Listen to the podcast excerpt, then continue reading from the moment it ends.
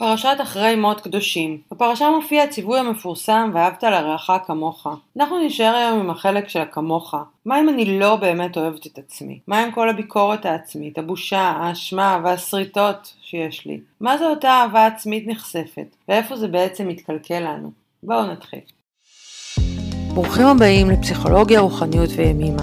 כלילה שחר ועידית הירש יוצאות למסע שנתי של פגישה שבועית עם החיים דרך פרשת השבוע. פרשת אחרי מות קדושים, בפרשה מופיע הציווי הידוע אה, ואהבת לרעך כמוך. ואני נשארתי עם החלק של הכמוך, עם בעצם הפסוק הזה בא ואומר כמו שאתה אוהב את עצמך ככה תתנהג לאחרים. והחוויה שלי בקליניקה והאישית ובכלל בחיים זה שאנחנו לא תמיד אוהבים כל כך את עצמנו, אלא יש לנו שם המון עניינים. אה, דימוי עצמי, פגיעות, שריטות, חולשות, ביקורת עצמית, אשמה. אני באמת אה, מרגישה שכל אחד מאיתנו נושא שם איזשהו חלק כזה שהוא לא אוהב את עצמו. אז איך, איך זה מתחבר לפסוק הזה בעצם? שאלה מעניינת וגם מעניין לראות שהמקרא יוצא מנקודת הנחה שאנחנו אוהבים את עצמנו ואת האהבה הזאת צריך להביא לשני. ואז זה, אה, זה מעלה בי שאלה מה קרה לנו במהלך הדרך שהפסקנו לאהוב את עצמנו, ואיך בעצם אני חוזרת לאהוב את עצמי. זה נשמע כאילו סלוגן כזה פשוט, אבל זה אחד הדברים המורכבים. לימים יש משפט שהיא אומרת, שהיא אומרת ככה, איך לבקש מלב אחר שיאהב אתכן כשהלב שלכן לא יודע לאהוב. כאילו שיש מקום כזה שאני אני בעצמי לא יודעת לאהוב את עצמי, ואני רק רוצה שמישהו אחר יאהב אותי כמו שהייתי רוצה לאהוב את עצמי. ולמה זה כל כך מסובך לאהוב את עצמי? מה עומד שם ביני לבין עצמי? אה, מלא דברים. נורא מסובך בעיניי. אני אפילו יותר מזה, אני חושבת שזה בילט אין.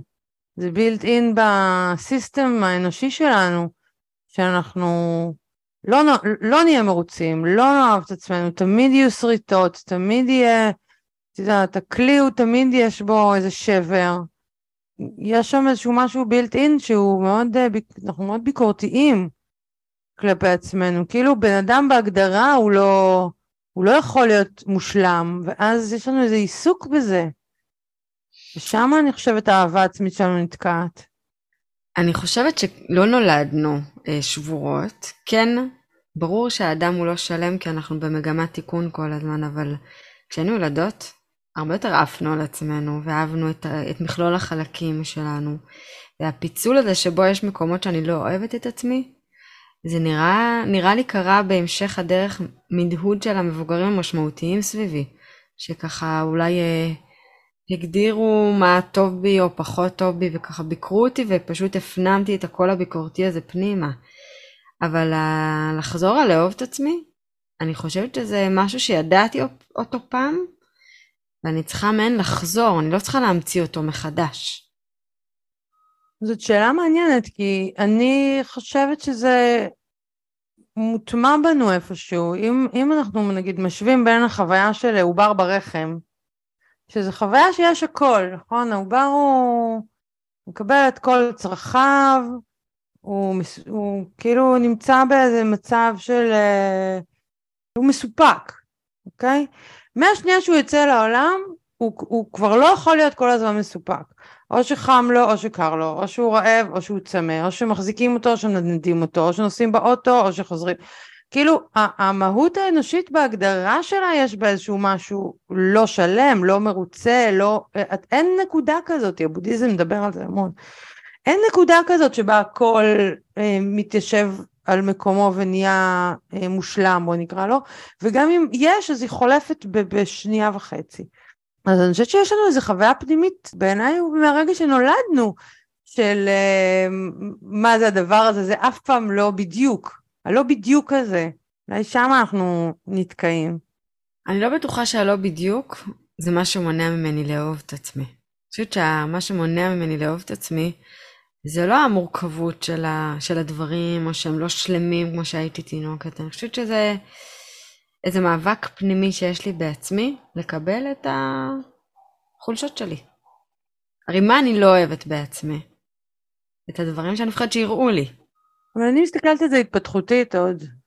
כאילו, כשהתינוק רעב, צמא, קר לו, חם לו, והוא צורח, כי ככה תינוקות אה, מתנהלים, הם אה, לא, לא יודעים לווסת, הם לא יודעים לעצור. אז, אז, ויש על זה גם כמובן תיאוריות פסיכולוגיות, ומשוד הטוב, משוד הרע, ועוד. אז כבר שם מתפתח איזשהו מנגנון של כאילו, מה זה הדבר הזה ו, ולאן אני לוקח אותו. אז פה יש השלכות, ופה יש גם השלכה פנימה. יש, הילד, הילדים מסתובבים המון עם תחושות של מה אני לא בסדר. איפה אני לא בסדר. כי אני לא מסכימה להנחה הזאת שילדים הם אה, אה, שלמים ומאושרים. זה גם לא מה שאני רואה, דרך אגב. גם לא, בש... לא אצל הילדות שלי, וגם לא כשטיפלתי בילדים. זאת הנחה, קצת יש בה אידיאליזציה, בוא נגיד ככה. אז אני, מה אנחנו שואלות? אנחנו שואלות בעצם מאיפה אתה לא אוהב את עצמך? מאיפה זה בא? והאם יש תקווה? האם יש תקווה לאהוב את עצמי? כי מה שאת אומרת זה קצת מובנה בנו, אז האם בכלל יש בי תקווה יום אחד כן לאהוב את עצמי? מה זה לאהוב את עצמי? בעולם שהוא ככה מופרד. לאהוב את עצמי זה זה, זה לאהוב את הדבר הזה, את, ה... את החוסר, את התנועה, את החוסר, את השריטה, את יודעת, המשפט הזה של ליאונרד כהן שאומר שבכל דבר יש סדק כי כך נכנס האור. זה לאהוב את עצמי, כי, כי אני לא יכולה להיות משהו אחר, זאת אומרת, אני חושבת שלפחות התרבות המערבית שלנו מכניסה לנו לראש כל מיני אידיאלים אה, קצת מושלמים מדי, ו, וכזה אני אף פעם לא אהיה. אז לאהוב את עצמי זה לקבל את זה, as is. מקבל את כולי. אם אני חוזרת למה שדיברנו על ילדים, אני חושבת שאולי מה שניסיתי להגיד זה שהם לא שהם שלמים, להפך, הם מורכבים והם, ויש להם צרכים שחסרים, אבל כן אני זוכרת נגיד את הילדה שלי שהייתה בת שלוש, ככה יכולה לעמוד מול המראה ולהגיד לעצמה איזה יפה אני. ואז ככה בגיל חמש, שש, שבע, שמונה, תשע זה נעלם. וזה לא, כן, וזה זה... לא אני יפה כי אני מושלמת, גם מושלמת, גם זו הייתה חוויה פנימית, אבל זה כאילו, זו אני, אז, אז, אז אני יפה. ולנו אחרי זה מתלבש, חסר לי זה, ואני לא מספיק זה, והייתי רוצה להיות זה, וכי אולי המקום הזה, הוא מפריד אותי ביני לבין היכולת שלי לאהוב את עצמי. כן, זאת אה, שאלה מעניינת וזה תהליך, כן, שרואים אותו. איך לאט לאט, אה, את יודעת, אצלי בבית כבר, אה, אני יכולה להגיד, כבר שלוש מתבגרות, איך לאט לאט זה מתכסה בעוד ביקורת ועוד אשמה ועוד בושה, והייתה איזו שאלה כזאת שילדות שלי היו שואלות פעם, אם, אם אני הייתי רוצה, על עצמן, כל אחת על עצמה, אם הייתי רוצה להיות החברה הכי טובה שלי. ולמרבה הכאב הם אמרו לא. אמרתי, מה, את לא רוצה להיות חברה של עצמך? את כזאת מהממת. אז התשובה היא לא. אז אולי המפתח הוא להתחיל אה, לפוגג את הביקורת הזאת. מה זה הביקורת? את אמרת, דיברת על כיסוי, אז אולי זה באמת להבין שככה יש פה איזה כיסוי, ולא להיאבק בכיסוי הזה, אלא להבין שאולי הוא חלק התפתחותי, או נסיבות החיים. איך לצד הכיסוי הזה אני לומדת לאהוב את עצמי. עם הפגיעות שבי, עם החלקים הפחות יפים שלי. אז איך אנחנו יכולות לעשות את זה? שאלת השאלות. איך אני הופכת להיות החברה הטובה של עצמי? הרי אני, אני הרבה פעמים אומרת גם בשיעורים, שכשתתקשר אליי חברה ככה ותתייעץ איתי על משהו, אני אדע להיות מאוד אמפתית, ולתת לה עצות אה, מאוד מכילות ורגישות, ותהיי רכה עם עצמך, וככה אל תכעסי על עצמך, וכשאני אספר לעצמי משהו, האוטומט שלי זה להתבאס על עצמי, לכעוס על עצמי, לבקר את עצמי, לשפוט את עצמי.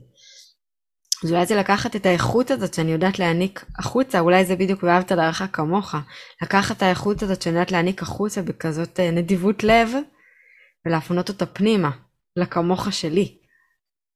זו חמלה עצמית. נכון, בדיוק. שזה דבר שאנחנו ממש ממש ממש גרועים בו. זאת אומרת, אם מישהו היה מתמלל את הדיבור הפנימי של כל אחד מאיתנו עם עצמו, אז זה זוועה. אנחנו לא מדברים ככה עם אף אחד, אנחנו יורדים על עצמנו, מכסחים את עצמנו, אה, יש שם משהו מאוד מאוד לא חומל פנימה כלפי עצמי. זה עניין מאוד מאוד uh, גדול. התרגיל הזה של אה, אם זו הייתה ילדה שלך, אם זו הייתה חברה שלך, איך היית מתייחסת אליה, כול, כולנו זה כזה, מה, ברור, ברור שהייתי נותנת לה חיבוק ומבינה וזה, אבל אם זה אני, אז לא.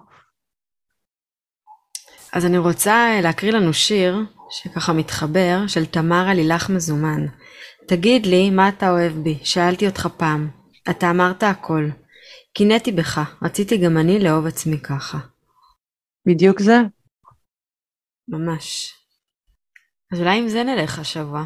עם להצליח להיות קצת, קצת, רק טיפה, יותר החברות הטובות של עצמנו. כמו שהייתי רוצה שיהיו חברים טובים עבורי. אני יודעת איך להיות חברה טובה, אז פשוט להחזיר את זה פנימה אליי. ולהיות בחמלה כלפי עצמי. כן, להושיב שם איזה מישהי שתהיה חברה טובה, שתדבר אלייך אה, ככה, בפנים. כן, בדיוק. טוב, אז ניפגש. בטח. תודה שהייתם איתנו. מוזמנים לשתף ולכתוב לנו איך הפרשה פגשה את השבוע שלכם. נתראה שבוע הבא.